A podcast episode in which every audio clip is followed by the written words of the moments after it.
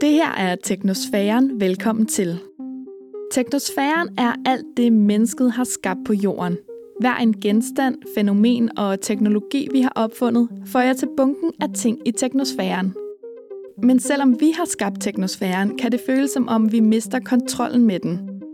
For vores verden er fyldt med elektronik, mekanik og maskiner. Nogle gange er de irriterende og påtrængende, andre gange usynlige og næsten magiske. Nogle gange begrænser de os, og andre gange frisætter de os. I den her serie kommer forholdet mellem mennesker og opfindelser på prøve, når programmets vært undersøger, hvordan teknologi påvirker netop deres hjørne af verden. Mit navn er Nana Schmidt Nordeskov, og jeg er producer på podcasten her, og altså ikke verden. Jeg står på sidelinjen, når verden gennem fem episoder udforsker, om teknologi er en allieret eller en modstander til den kamp, verden udkæmper i hverdagen. Om teknologi kan hjælpe os med at forbedre miljøet, vores sundhed og meget andet, eller om teknosfæren helt har taget magten fra os. Det her er første sæson af Teknosfæren, og i første sæson er Gitte Marie Johansen vært. På YouTube og Instagram går Gitte Marie under navnet Gitte Mary, og i den her første sæson vil hun undersøge, hvordan teknosfæren påvirker alt vores liv på kloden, nærmere bestemt miljøet og klimaet. Det her er tredje episode. Nu begynder programmet.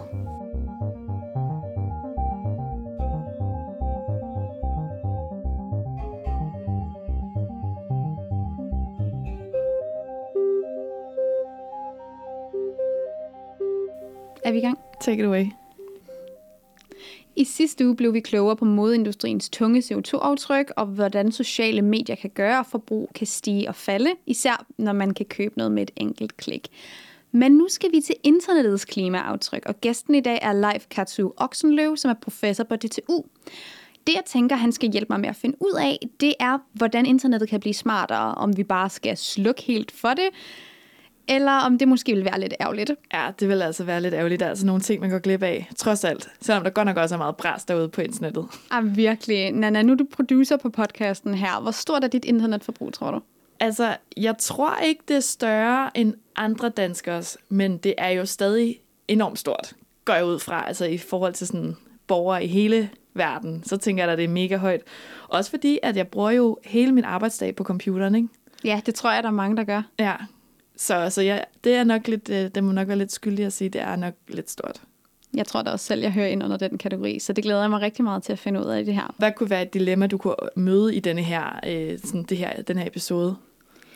Jeg har nogle personlige stakes i det her også, for jeg arbejder jo på internettet øh, og uploader videoer til YouTube. Så noget af det, jeg rigtig gerne kunne tænke mig at snakke om, noget af det, jeg rigtig godt vil beskæftige mig med, det er de her sådan individuelle platformes aftryk, og hvordan man som enkeltforbruger kan føle sig lidt lille, når vi snakker om internettets CO2-aftryk. Det føles meget som noget, vi ikke rigtig kan gøre noget ved, så derfor bliver vi nødt til bare, du ved, at eksistere i det. Men er der rent faktisk nogle forskellige vaner, vi kan tage til os, så vi kan gøre det bedre for os selv?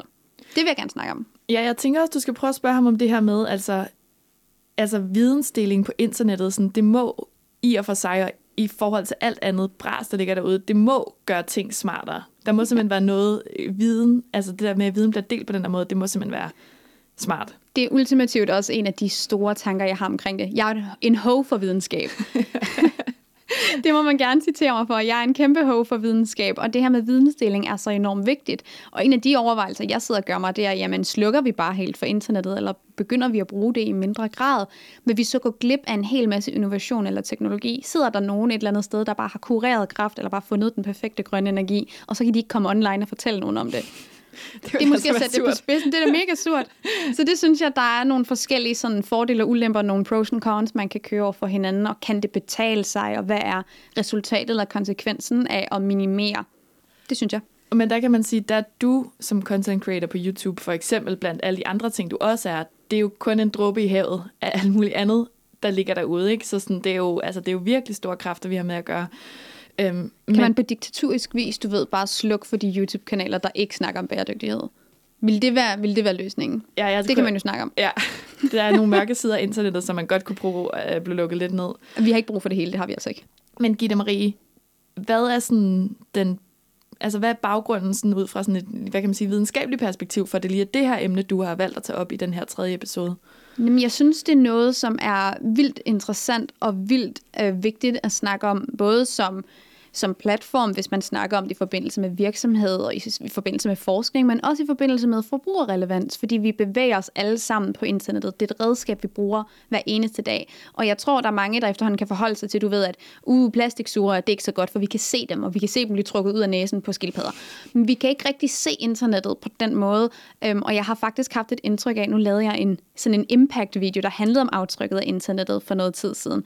Og øh, overvældende mange af kommentarerne var, det har jeg aldrig tænkt over. Jeg troede, internettet var, du ved, skyen. Jeg troede ikke, det var et fysisk sted.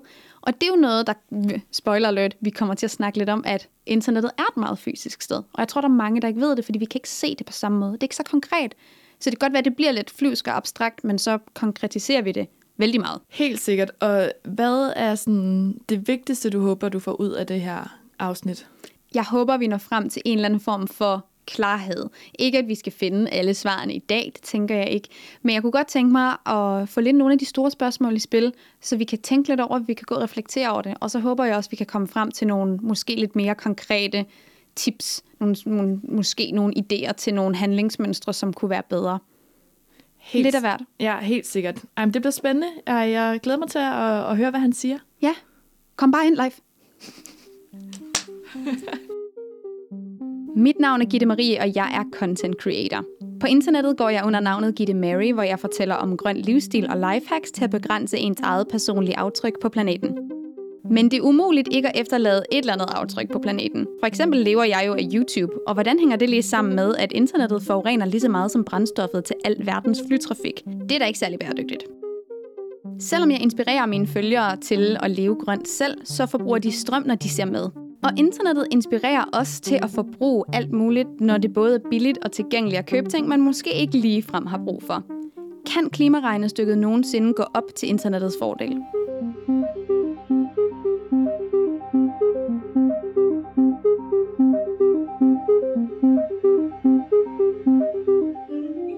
Hej live. Hej. Tak fordi du har lyst til at være med. Du er professor i optisk kommunikation på DTU, hvor du undersøger, hvad lys kan. Og du er her for at hjælpe mig med at finde ud af, hvad internettets CO2-aftryk er nu, og hvad det kommer til at være i fremtiden. Så kan du prøve at forklare mig, hvad dit forskningsfelt helt præcist handler om? Ja, det er rigtigt. Jeg arbejder med optisk kommunikation, så hvordan kan vi bruge lys til at øh, sende data rundt, og det gør vi allerede i rigtig stor stil i de her lyskabler, lyslederkabler, som der ligger i jorden øh, på tværs af oceanerne og kontinenterne og mellem byer, og flere og flere får os en fiber til hjemmet. Og I virkeligheden er de der fibre utrolig gode, og det store problem er måske mere, hvad der sker for enden af fibrene. Øh, hvordan håndterer vi de data, hvordan skaber vi det data, så vi kan få, få det sendt rundt på internettet på en måde, som både kan, kan understøtte endnu mere datakapacitet, fordi det ser vi en stigende trend omkring, men også så det ikke bruger alt for meget energi, og det er nemlig noget, vi er blevet opmærksom på de seneste 5-10 år, at der er en reel risiko for, at vi kan komme til at bruge alt, alt, alt for meget energi på bare at kommunikere. Så vi prøver at undersøge nye teknologier, hvor lys er i fokus, til at skabe de her kommunikationsteknologier det med sådan energiforbrug og internettet er jo enormt relevant for de fleste af os, fordi vi bruger internettet en del. Og det er noget, jeg tror, de fleste af os ikke nødvendigvis er super ops på eller opmærksom på, at internettet er et fysisk sted, og det er nogle fysiske mekanismer, der gør det muligt for os. Nu startede jeg meget min bæredygtige rejse med det her øh, zero waste begreb, hvor jeg gik meget op i at eliminere øh, det fysiske affald fra min hverdag.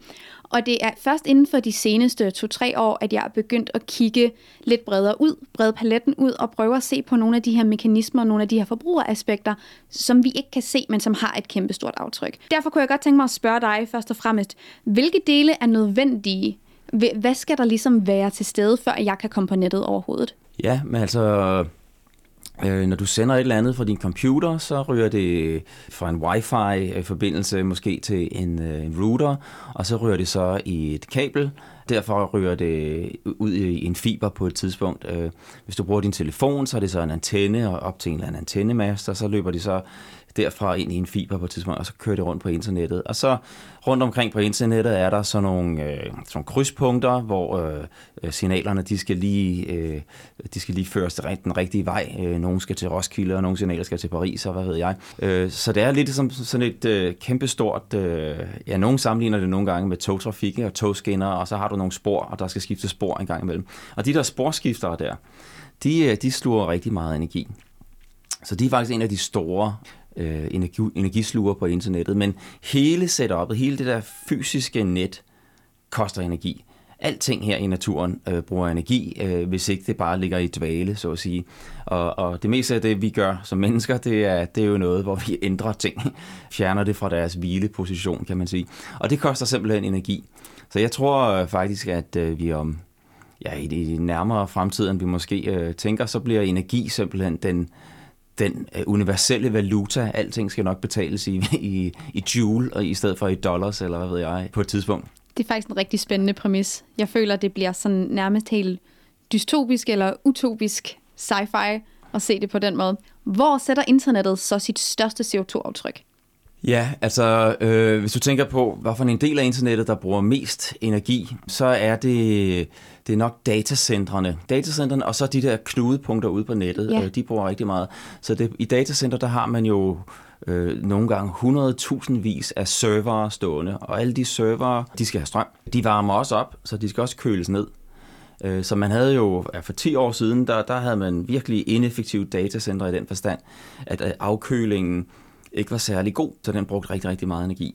Næsten øh, halvdelen af hele datacenterets energiforbrug kom bare fra den der køling. Det har man så fået gjort rigtig meget ved siden, øh, især de her kæmpestore datacenter, hyperskala datacenter, hvor man øh, faktisk har gjort dem meget mere øh, energieffektive end andre. Og så kan man så sige, det er jo et, så en ting er, er energiforbruget. En anden ting er så, øh, hvor energien kommer fra. Og når vi taler om, om klimapåvirkning, så er det jo selvfølgelig ret vigtigt, at den energi, vi bruger, så er grøn. Og der har der været lidt træhed nogle steder i øh, industrien omkring at få skiftet til grønne energikilder. Der er de her sådan, de rigtig store datacenterudbydere som Google, Microsoft, Facebook, Apple og sådan nogle. De, er, de har været med på den grønne agenda rigtig meget, og Google er faktisk i dag den største indkøber af grøn energi i verden. Så de går virkelig foran. Øh, og så er der så nogle andre som Amazon, som faktisk er den største øh, datacenterudbyder. De har været virkelig sløve i det, men er også kommet med på vognen øh, sidste år, og de er også begyndt at melde sådan klare, målbare øh, mål op for, hvor langt de skal være kommet med deres grønhed, så at sige, inden for de næste par år. Så der sker noget. Men det er stadig ikke alle, der er med på, på den agenda. Øh, og det er stadigvæk også en agenda, som ikke er noget særligt langt i det politiske system heller. Øh, så der... Nej, det er sikkert også, øh, helt sikkert også mit indtryk, at det er fra et politisk perspektiv, at det er noget, der er lavet meget få regulationer omkring. Det er noget, der bliver bragt meget lidt op på dagsordenen. Øhm, og det er helt sikkert noget, hvor der er så meget plads til forbedring. Og datacenter spiller en ret vigtig rolle i regnestykket, der handler om jamen, internettets CO2-aftryk, CO2-udledning i forhold til for eksempel flytrafik, og hvordan de på overraskende vis er meget lige. Er det et regnestykke, du kan forklare? Ja, altså hele internettet skal som sagt bruge noget energi, og det er ikke alle dele af internettet, som bruger grøn energi. Der er rigtig mange af de store datacenterudbydere, som, som nævnt, er, der er begyndt at, at, at, at købe ind på den der øh, agenda. Øh, men der er også datacenter, som er blevet bygget et sted af forskellige grunde, typisk økonomiske årsager, hvor der simpelthen ikke er adgang til grøn energi. Så de bliver nødt til at, at bruge ikke grøn energi for at kunne drive det datacenter. Det er ikke det samme som, at det nødvendigvis er, er et onde, fordi selve datacenteret kan godt gøre noget, som er godt, også for klimaet. Øh, ved for eksempel, at man undværer øh, at skulle øh, printe DVD'er og sende dem rundt på lastbiler og fly og sådan noget, ikke? så kan man bare streame fra det datacenter. Så selvom energien til det måske er, er CO2-udledende, øh, så kan det stadigvæk godt øh, øh, betale sig. Og så er der jo mange, der så for øvrigt jo ellers køber CO2-aflad, øh, og så på den måde øh, investere i grøn energi, og så få balanceret det op på den måde. Altså, så, så det regnestykke, øh, det er også, øh, altså det, det inde, indeholder sådan set alt, der hører til internettet. Bygningen af datacenter, der skal man jo selvfølgelig ud med, med lastbiler og byggefolk og, og materialer og producere de materialer og sådan noget for at bygge datacenter. Og så de server, de skal jo også produceres, fabrikeres og installeres. Og så ellers at køre hele internettet, som jo kræver energi. Og som sagt, en del af den energi kommer så fra ikke-grønne kilder. Og, der så, man, når, og så er der selvfølgelig også øh, øh privatbrugere, øh, gadgets, øh, devices og sådan noget, som jo også alt sammen koster noget i produktion, både energimæssigt, men også dermed CO2-mæssigt. Så når man lægger alt det sammen, så, så får man cirka 2% af, af den menneskelige CO2-udledning, menneskeskabte CO2-udledning. Og det er sådan det, det tal, vi også sådan nogenlunde hører for flytrafikkens brændstof. Det er kun brændstof, brændstofforbruget. Ja. Det er nemlig ikke hele flytrafikken. For hvis man også tog ikke lufthavnsbygninger og fly ja, og sådan noget med, så ville det være produktionen af, ja. af flyene, lufthavne og så videre. Ja, så flytrafikkens brændstofudledning. Ja, ja. Det er en ret vigtig detalje at have med, ja. I løbet af det sådan sidste år, halvandet, er vi begyndt at rejse meget mindre af sådan nogle, øh, sådan nogle øh, globale pandemigrunde. Øhm, og jeg tog faktisk den beslutning for et par år siden, at nu vil jeg for klimaet og for at, at være grønnere og mere bæredygtig den måde, jeg rejste på, finde andre løsninger end at flyve. Og det har egentlig gået rigtig godt. Jeg har set rigtig meget Europa fra en bus øh, og fra et tog. Det er skide hyggeligt. Men for at tænke lidt på spidsen, kan man jo så spørge, vil en bæredygtig løsning være at så bare opleve verden fra nu af igennem VR-briller? Kunne man gøre det? For eksempel så blev vi bare derhjemme. Det, det vil jeg synes var utrolig kedeligt, øh, og det vil jeg ikke selv have lyst til. Øh, jeg tror, man får jo et, stort kick ud af at opleve ting og komme ud fysisk. Øh, jeg tror helt klart, at det er en god idé, som du gør, at uh, simpelthen uh, tage den mest klimavenlige form for transport. Og, og der kommer helt klart flere el tog og måske endda elektrisk drevne fly og sådan noget, ikke? er der i hvert fald eksperimenter i gang med. Og ja, og så er cyklen jo også et godt redskab, hvis man skal ja. noget. Øh, det siger jeg, som er kørt herind til studiet i bil, og det...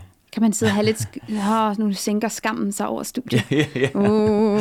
Øh, helt konkret, hvordan kan man udregne øh, brugen af internettet? Er der nogle eksempler på, på forskellige måder, vi bruger internettet på, og hvordan det har et, øh, et aftryk? Ja, der er mange forskellige modeller, og det er også lidt af et cirkus. Øh, jeg har, jeg har begyndt for et par år siden at prøve at sætte mig lidt ind i de her tal, som der er kommet ud øh, fra forskellige både forskergrupper og virksomheder etc. Og, og det er, det, er, det er lidt noget råd. Jeg, jeg er fysiker og er vant til at lave kontrollerede eksperimenter, hvor man kan se én ting ad gangen og måle det helt konkret og helt nøjagtigt. Kontrolleret miljø, ja. variable Ja, så, så, lige præcis. Og så, og så kaste ud i sådan noget som nærmest sådan et socioøkonomisk studie, det gør mig meget utryg. det, det forstår jeg godt, det er ikke så vant. Fordi øh, de der altså fejl, fejlbehæftningerne på alle de tal, jeg kommer i nærheden af, de er bare enormt store. Så så man skal tage det med grænsalt. Jeg kan se, at de, altså vi har så lavet en model, hvor vores tal de ligger sådan lidt i, i midten af, af de udmeldinger, der ellers kommer. Der er nogen, der siger, ha, internettet bruger slet ikke noget energi, det er ikke noget problem, send flere penge, lad os bygge noget mere. Og så er der andre, der siger, ah, dommedag.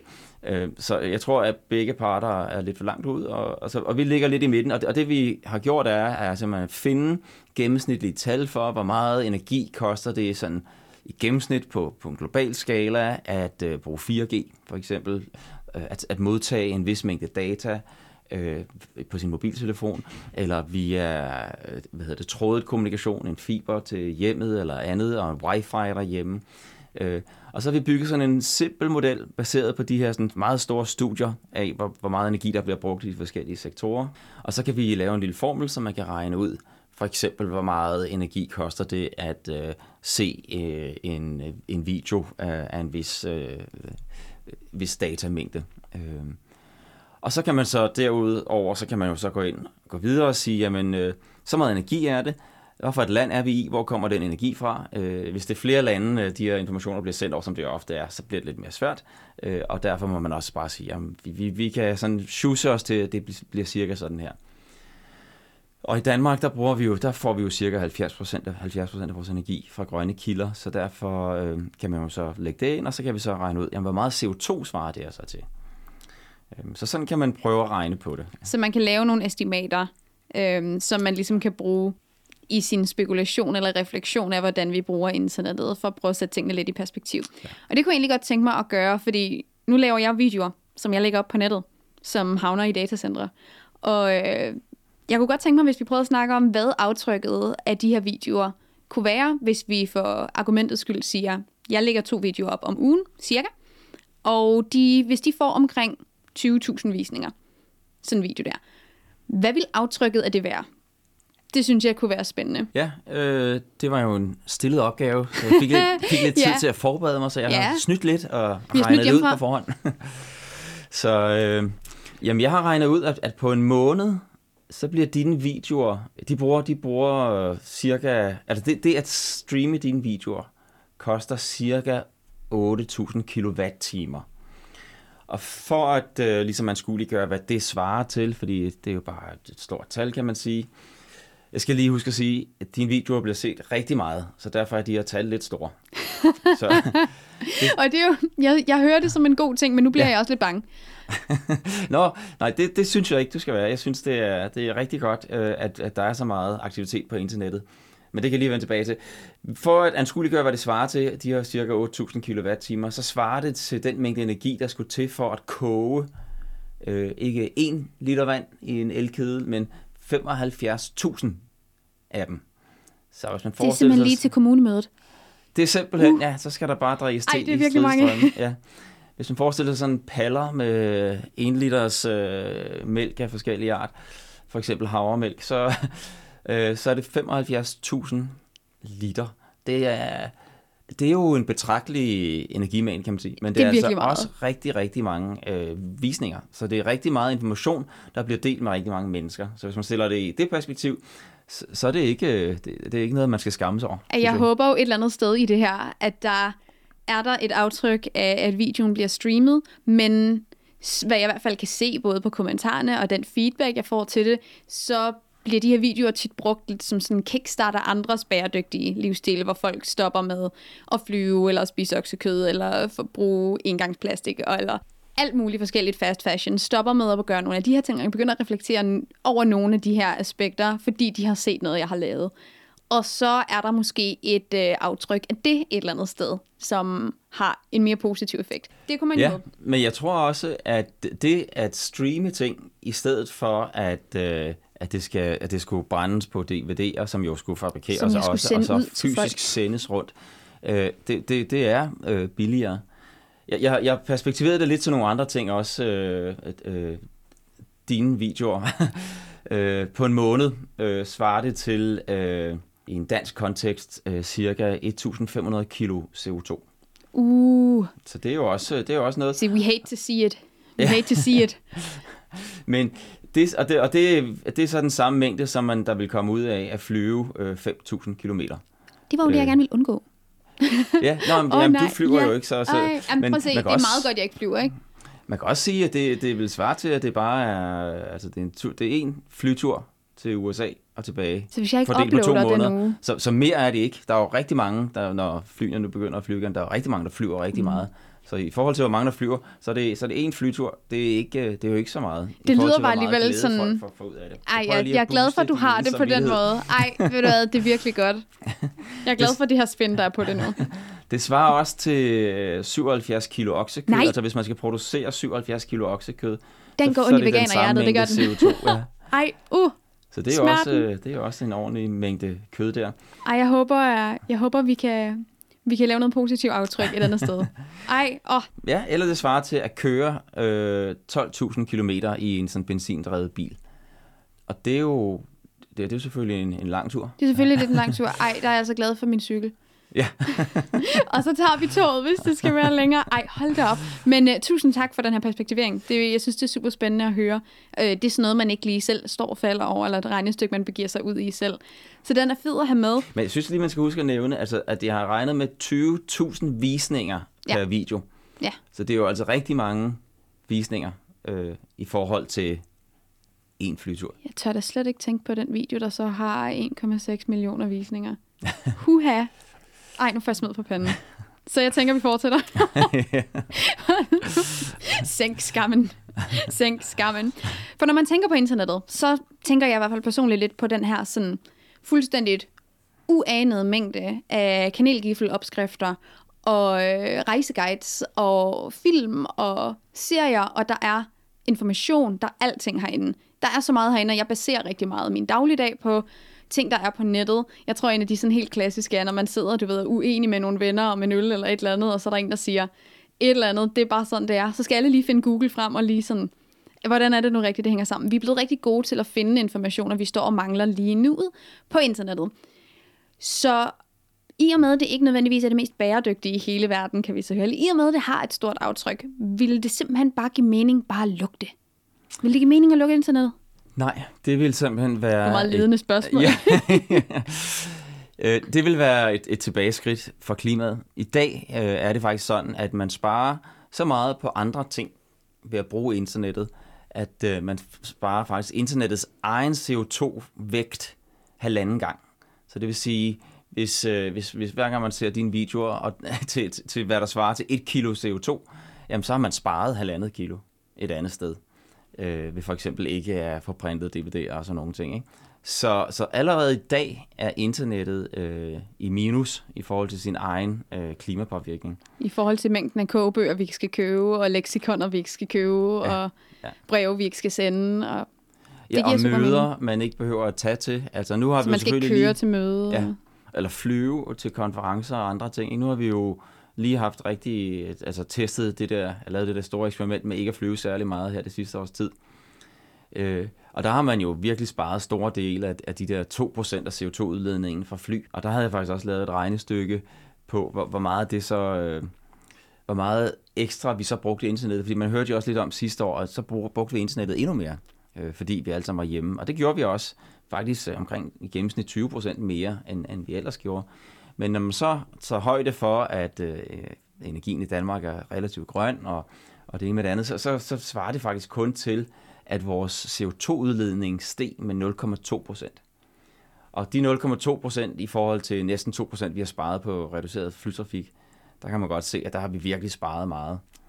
Så det, jeg hører dig sige, det er, at det er en god ting for internettet, aftrykket internettet, at jeg uploader videoer.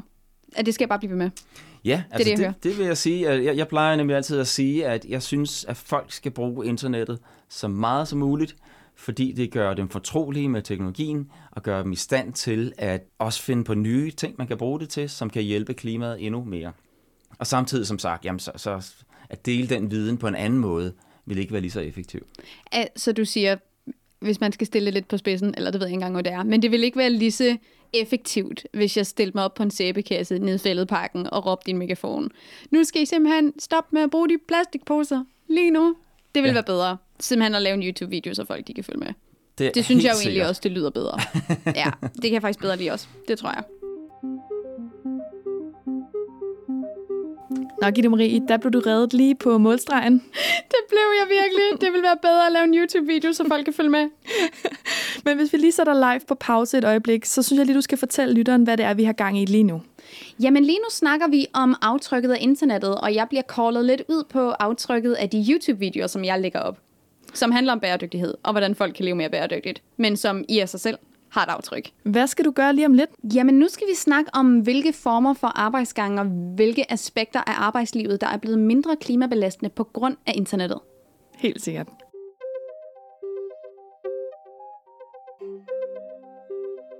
Er der nogle eksempler, du kan komme på, hvor, hvor internettet har en, der er en reel fordel i det? Ja, altså, altså transport for eksempel er jo et eksempel, vi allerede var inde på med, med flytransport og andet, øh, anden type transport øh, som vi begrænser. Det, der, der, der gør internettet noget rigtig godt. Øh, Øh, også i form af, øh, som du også var inde på her igen, af produktion af ting, vi skal dele, af, altså viden, øh, vi skal dele.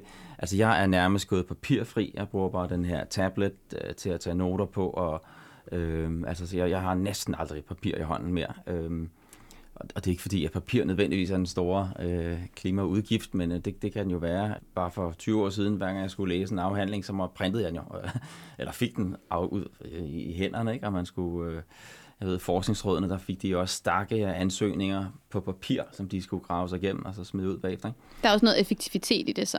Der er simpelthen noget effektivitet i det, og noget ressourcebegrænsning. Ja. Øh, Derudover så er der jo et enormt potentiale, som delvist allerede er udnyttet, men bliver mere og mere udnyttet øh, i transport, for eksempel sådan smart transport, som man taler om også. Øh, kunne jeg jo finde en parkeringsplads her. Ikke? Jeg glæder mig til, at der er nogen, der laver den app, der monitorerer parkeringspladserne, og, og fortæller mig præcis, hvor den ledige parkeringsplads er, så jeg ikke skal oh. ligge og cirkle rundt i en helt bydel, og måske ende i en helt anden bydel, for at slippe med bilen og så komme hen til der. Altså, så, så der sparer man virkelig, kan man potentielt også spare meget energi. Øh, og hvis, jo mere man ved, der er allerede tiltag i det, når man kører i bil for eksempel. Ikke? Altså, man kan jo godt se, at her der er kø og sådan noget, men det er stadigvæk virkelig, virkelig low, øh, low level øh, info, der er der. Så, så, så, så man, man regner med, at man kan spare 60% af energien i hele transportsektoren med et mere udviklet internet. Øh, og det er jo en, immer væk en af de store øh, klimasyndere. Dertil kommer selvfølgelig, at forhåbentlig bliver flere og flere af de her øh, transportmidler elektrificeret. Ja, i den forstand kan man vel også sige, at når man både digitaliserer og effektiviserer transportsektoren ved brug af internettet, jamen så vil det også automatisk reducere mængden af uheld. Er en af de ting, jeg blandt andet også er, er stødt på en del gange, at det er noget, der helt automatisk sker, når tingene er automatiseret. Ja, det, det kan man i hvert fald håbe. Og så... ja, det håber vi i hvert fald ja. på. Medmindre det bare går Skynet på os. Ja, ja, men der var sådan et eksempel med en Tesla, som øh, var, var kommet til at køre ind i en lastbil på et tidspunkt, fordi der var lidt dårlig, øh, der var dårlig, dårlig sigtbarhed og sådan et eller andet.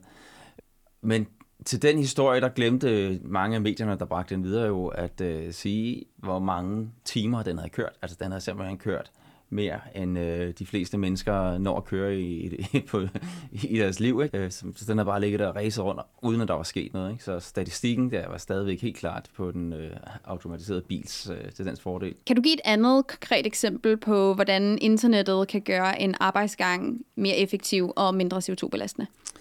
Ja, altså noget noget, vi allerede ser nu, det er jo også i bygninger, altså øh, at der er noget som smart lighting, det er jo ikke kun i bygninger, men også på gader og sådan noget, der, der ser man jo også, hvordan øh, lamperne de skruer op og ned, øh, øh, afhængig af om der er folk i nærheden, så der er sensorer, der, der, som kun bruger energien, når der er brug for den, ikke? så den ikke bare, altså gadelamperne ikke bare står tændt hele tiden. Og det samme i bygninger, der kan man også skrue op og ned for både lys og varme, afhængig af, øh, af dit øh, aktuelle behov. Øh, hvis ikke du er hjemme, så er der jo ikke nogen grund til at stå og varme hytten, øh, så at sige. Og så ved øh, huset så, øh, eller dine øh, Internet of Things, IoT, dem så ved så, hvornår du er på vej hjem, øh, fordi det kan den mærke på din telefon eller dit ur, eller hvad jeg.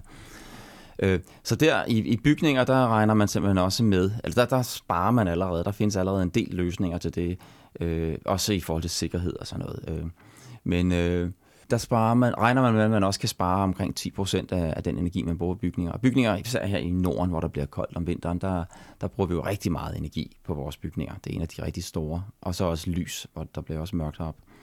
Så de steder der, det er også nogle, kæmpe, nogle store satsningsområder, hvor man regner med, og allerede har altså noget øh, i gang, ikke? men hvor man regner med, at der kan vi virkelig, virkelig spare masser af energi og dermed klimabelastning. Fordi det, jeg tænker, det er, at internettet kan mange forskellige ting i mange forskellige retninger. Og internettet kan forstås meget som et værktøj, som en hammer, hvis man skal være sådan lidt metaforisk omkring det, men at en hammer kan bygge et hus, men det kan også slå nogen ihjel. Øh, nu sætter vi det vildt meget på spidsen, men hvad jeg lidt prøver at komme frem til er, internettet kan bruges til, en helt, til mange rigtig fornuftige ting, og kan gøre verden til et bedre sted. Men kan internettet også være med til at fremme en forurenende eller unødvendig overforbrugersk opførsel. Det kan det sagtens gøre. Øh, når noget bliver lettere tilgængeligt, så får man jo ja, lettere ved at bruge det, og det kommer man da også til. Men, men ellers så, så, så noget med transport, for eksempel med, øh, med biler, hvis de begynder at blive meget, meget energieffektive og elektriske og sådan noget, så kan det jo være, at hele adfærden omkring transport ændrer sig. Øh, og det har det internationale energiagentur også øh, spekuleret i og sagt, der er virkelig stor forskel på de scenarier, de kan forestille sig. Et er, at man kan spare 60% af transportindustriens energiforbrug, og et andet er, at man faktisk kommer til at bruge mere, fordi der lige pludselig måske kommer til at være endnu flere bilister derude. Altså, så, så, så ja, så det synes jeg, du har helt ret i, at det, det, det stimulerer dig helt klart øh, øh, noget forbrug. Øh. Men jeg tror altid, der vil være sådan lidt, øh, der vil være lidt spild, og der vil være lidt flødeskum og lidt øh, fedt, der kan skæres væk rundt omkring. Øh. Øh, og det er også lidt en del af det at være menneske, ikke? Der er sådan nogle fjollede ting, altså, som bare vil være der altid. Øh, og det slipper man nok ikke for. Man skal bare lære at styre det bedre selv, og så mås- måske med noget regulering. Er der en selvmodsigende effekt i, at vi giver flere adgang til internettet, hvis internettet er stødt mere forurenende? Ja, altså, jeg, jeg, jeg synes jo ikke, at internettet er mere forurenende. Altså, vi, vi er allerede i negativ, så at sige. Ikke? Altså, og, og der er stort potentiale for, at det kan blive endnu mere negativt. Vi regner med, at den der halvanden gang, vi sparer i CO2, kan blive 10 gange om 10 år, hvis teknologierne bliver udviklet ordentligt. Og det, det er så det, der er, der er udfordringen. Så jeg, jeg synes ikke, der er en selvmodsigelse i at udbrede internettet. Øh, tværtimod ligger mange af de her prognoser øh, til grund, at internettet skal udbredes endnu mere. Øh, sådan så hele, altså alle mennesker, der bruger energi, kan få effektiviseret deres forbrug af energi øh, mest Det var muligt. også et meget ledende spørgsmål. Ja. jeg synes, jeg er virkelig glad for, at du siger det på den måde. Um, hvad med i forhold til streaming som øh, klimasønder i forhold til internettet? Øh, det er også mit indtryk, at det er noget, der, der batter, eller det er noget i, i takt med, at vi bruger de her tjenester mere og mere. Er det noget, der begynder at fylde mere og mere? Det er det helt sikkert. Altså noget, der fylder mere og mere. Og øh, ikke mindst under coronanedlukningen her, der er der godt nok blevet streamet meget. Øh. Binge City. Ja. Spørgsmålet er igen, øh, det der driver de datacentre, hvor de her film nu ligger, øh, eller hvad det er, man streamer, er de grønne, eller er de ikke grønne?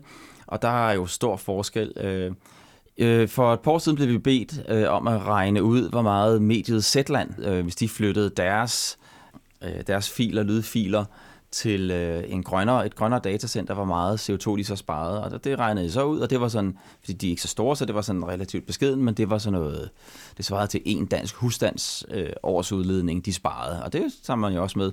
Formålet var heller ikke at spare vildt meget, det var mere bare at lave øh, hele undersøgelsen. Ikke? Så spurgte de mig så, om jeg kunne regne det samme ud for DR's streaming øh, tjeneste. Og det var straks værre. Dels er det jo selvfølgelig større, men de har simpelthen også valgt en, øh, altså en, en, en, en øh, hvad hedder det, datacenter udbyder, som bare ikke er grøn. De er værre end Amazon. øh, journalisten fra Zetland øh, tog så øh, sagen videre til DR og spurgte dem så om, øh, hvad, øh, hvor, hvorfor de ikke havde tænkt det ind. Og det havde simpelthen bare ikke været en del af de offentlige udbud, og det har det ikke været. Men det bliver det måske, det håber jeg. Det er der politikerne gerne må komme ind og, og sige, selvfølgelig skal det være en del af de offentlige udbud. Altså lige nu er det de der store virksomheder som Microsoft og sådan nogle, som, som går forrest. Det kommer ikke fra politisk hold. Og det synes jeg er en kæmpe skam. Nu har vi snakket om internettet og aftryk i mange forskellige retninger, så jeg kunne egentlig godt tænke mig at høre lidt mere specifikt. Hvad er det, I undersøger kan være en løsning på internettets energiforbrug på DTU, hvor du er professor? Jamen, vi har et forskningscenter, der ser nede, øh, der, der arbejder med øh, teknologierne sådan helt nede i øh, det lag, hvor vi sender bitsene. Så det er optiske lyspulser, og så ser vi på, hvor meget energi, eller undskyld, hvor meget data kan sådan en optisk puls bære, for eksempel, og hvordan kan vi udvikle teknologier, der kan sende det her lys. Og der har vi øh, her sidste år lavet et eksperiment, hvor vi havde lavet en særlig chip, der, kunne sætte, der, der sender lys ud i mange forskellige farver, Øh, og hver enkelt farve kan så bruges til at bære data, øh, sådan individuelle datasignaler. Øh, og det vi så fandt ud af var, at den ene chip kunne faktisk bære lige så meget data som dobbelt så meget som hele internettets trafik på hele kloden. Bare for en enkelt chip. Så det vil sige, altså, at der er virkelig, virkelig kræfter i, i de her små optiske chips. Øh, det er selvfølgelig ikke praktisk at forestille sig, at hele internettet skal bæres på lys fra én chip, som er låst inde et eller andet sted i en kælder med en masse vagter om. Men det er bare for at sige, at, øh, at der er simpelthen øh, virkelig potentiale øh, for at kunne spare en masse andre lyskilder. Normalt vil man ellers bruge til hver de farver, vi sender data på, vil man bruge en laser til hver enkelt farve. Og hver laser skal have energi osv., så, videre, så derfor løber det op i, i en, en betragtelig energimængde. Hvorimod, hvis, hvis du kan skifte det ud med en chip, jamen, så kan man jo spare, ja, vi regnede ud, det vil spare, vi vil kunne spare tusindvis af laser væk øh, og udskifte dem med den her ene øh, chip. Nu bliver det nok en lille smule teknisk, men det er simpelthen bare for clarification. Hvordan ser den her laser ud? Kan du beskrive det sådan, som nogen, der har deres primære laserviden fra Star Wars? Så, øh, så kunne det være lidt spændende at prøve at høre sådan, ja, konkret. Giver det mening? Ja, altså øh, sådan en laser, man bruger til... Øh, altså, de fleste kender jo en laserpointer, øh, så det er jo sådan en lille pen, man kan trykke på en knap. Og inde, faktisk, hvis man skiller den ad og åbner den, og så inde i den, så er der sådan en lille bitte øh, chip, som, som er laseren, og så trykker man på den der knap, så kommer der strøm fra batteriet ind i den chip, og så bliver strømmen omsat til fotoner, altså til lys, der så kommer ud af den. Øh, sådan en chip til, eller en laser til kommunikation, den minder vel egentlig lidt om sådan en laserpointer. Altså selve chipen inde i laserpointeren. Altså, så det er sådan en lille gylden farvet chip, hvis jeg skal beskrive, hvordan den ser ud, hvor der så kommer nogle små ledninger på, og, og så kan man så øh, påtrykke strøm, som så indeholder den her datamængde, og så kan man ligesom sende, tænde og slukke for lyset på den måde, og så sende information på den måde, for eksempel. Jeg kan godt lide billedet med laserpointeren. Det synes jeg konkretiserede det rigtig godt. Jeg havde slet ikke tænkt på, at det selvfølgelig også er en ting. Men nu forstår jeg det meget bedre. Det er jeg glad for. Hvis man så skal omsætte det her billede med laserpointeren, vil det så sige, at den chip, der sidder inde i laserpointeren, egentlig ville kunne rumme hele internettet? Ja, måske ikke lige den chip, der sidder i en laserpointer, men hvis man udskifter den med vores chip, som fylder det samme, så bliver det også sådan en lille, lille chip, øh, som, som øh, ja, i princippet kunne være i en laserpointer øh, sagtens, og så bare sende sådan en regnbuespektrum af farver ud, hvor hver farve så kan bruges til at, til at bære data. Ja. Det er jo for vildt. Ja, vi, vi var også pænt øh, op at køre over det. vi var også pænt op at køre over det. Ej, det er, det er simpelthen for nice. Ja. Ja, det, Sagt det er med jo... alt respekt. så hvorfor gør man så ikke det? Har hele internettet på så lidt plads, og arguably bruger så lidt strøm? Ja, altså det er et godt spørgsmål, og det håber vi da også, at folk vil komme til i fremtiden. Der er stor forskel på, skal jeg sige, hvad der kan lade sig gøre i et laboratorium, og hvad der så kan ske, øh, altså lade sig gøre i virkeligheden. Øh, altså det, det skal være robust og kunne holde i overvis, og, og det skal være nemt at skifte ud, og sådan noget, hvis der er noget, der brænder sammen, og sådan nogle ting. Så, så der er lang vej endnu øh, i innovationsledene, før vi er helt ude, hvor vi har et færdigt produkt, der faktisk kan installeres et sted. Typisk i sådan en udvikling, hvor man starter med et eller andet fedt resultat, som så skal ind med et produkt, så bliver resultatet det bliver mindre og mindre, fordi der skal mange lag på. Øh, altså kan det ikke helt lige så meget, når det er slut. Så derfor er det godt at starte med et resultat, som virkelig kan meget. Og, altså vores chip kan virkelig meget. Og som sagt, så skal vi jo ikke, øh, vi skal jo ikke føde, eller vi skal jo ikke understøtte hele internettet med den chip. Øh, men det kan vi jo, hvis det skulle være. Så når den så endelig er færdig produceret, så kan den måske ikke understøtte hele internettet, men måske hvad ved jeg, halvdelen, og det er jo alt rigeligt. En masse internet. Ja. Det virker som om, at der er en hel masse, der sidder og arbejder rigtig meget på effektiviseringen og øh, en, en grøn version af internettet, øh, som for eksempel I gør. Og så er vi nogen, der sidder og venter på de grønne muligheder, så vi kan uploade vores YouTube-videoer, uden at øh, det koster en flytur til New York at gøre. Det har været mega spændende at lære om øh, din forskning, og hvad er det, du laver? Jeg synes, det er et super godt perspektiv på, øh, på både teknologien og bæredygtighed, og hvordan de her to ting spiller sammen. Så tusind tak, fordi du gad at komme og fortælle mig om det, og tak, fordi du gad at være med. Fornøjelse. Okay, Nana. Så live fra DTU Fotonik mener altså godt, at jeg kan blive ved med at lave YouTube-videoer. Ja, selvom det varede lidt på, på klimavægten, ikke? Jamen, det var faktisk meget rart lige at få bekræftet, at det, øh, det var altså ikke det værste, jeg kunne give mig til. Jeg kunne godt se, at du begyndte at svede lidt, da han begyndte oh, at snakke om det. det var sådan helt expose.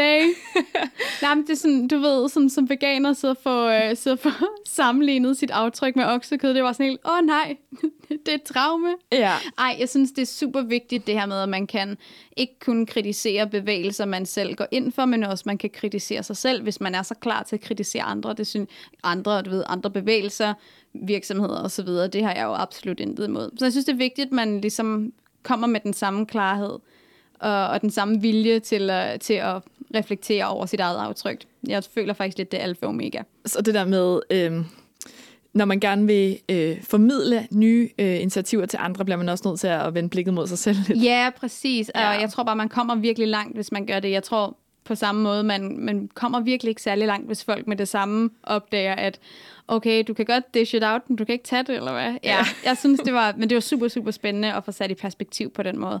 Uh, han er meget mere regne videnskabsmand, end jeg nogensinde kommer i nærheden af at blive, så der er også en vis beundring fra min side. Det var, at det var super fedt, og den måde, han bare lige, øh, da vi gav ham tallene, uh, så satte han sig lige ned og tænkte. Og, du kunne se regnmaskinen, Jeg kunne fuldstændig se det, ja. Det var så ja. sejt.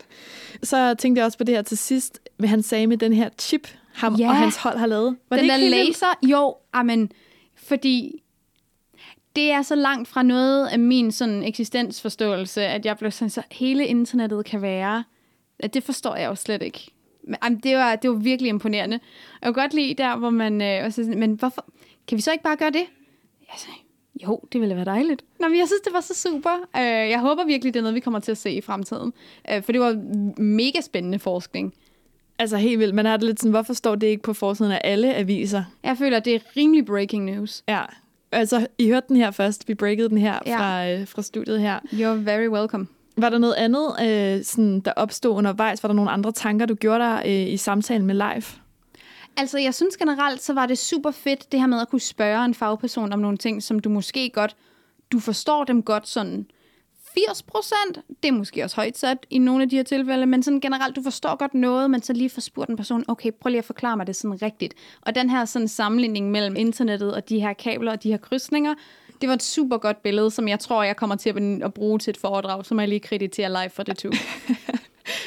Hvad har du lært nu, og hvad, hvad skal du tage med videre i de kommende episoder, vi skal, vi skal lave? Jamen, jeg tror, jeg vil tage med mig videre det her med det usynlige aftryk, kan vi blive ved med at snakke om fra nu af, og så for evigt. Og så det her med, jeg synes, der var en rigtig god sådan afrunding i, jamen, hvis vi, gør, hvis vi trykker, det ved jeg ikke, hvis vi rykker en snor til højre, jamen, så sker der noget til venstre, og det her med, jamen, ting påvirker hinanden helt vildt meget. Og det synes jeg, vi kommer rigtig godt omkring, og det tror jeg, det er noget, vi vil komme til at kunne se i alle de andre afsnit også, at jamen, der kommer et aftryk her, og minimerer du det, jamen, så sker der måske noget andet et andet sted, og tingene påvirker bare hinanden hele tiden. Og snakker man bæredygtighed, så kan du ikke have tunnelsyn, så kan du ikke kun fokusere på den her ene ting, og så ignorere alt det andet. Du bliver nødt til at have en bredere palette, og det synes jeg, Leif han fik forklaret rigtig godt. Helt enig, helt enig. Øh, næste, øh, og altså meget i god forlængelse af det her afsnit, så skal vi jo næste gang snakke om bæredygtige energier, sådan lidt mere bredt, og, og batterier.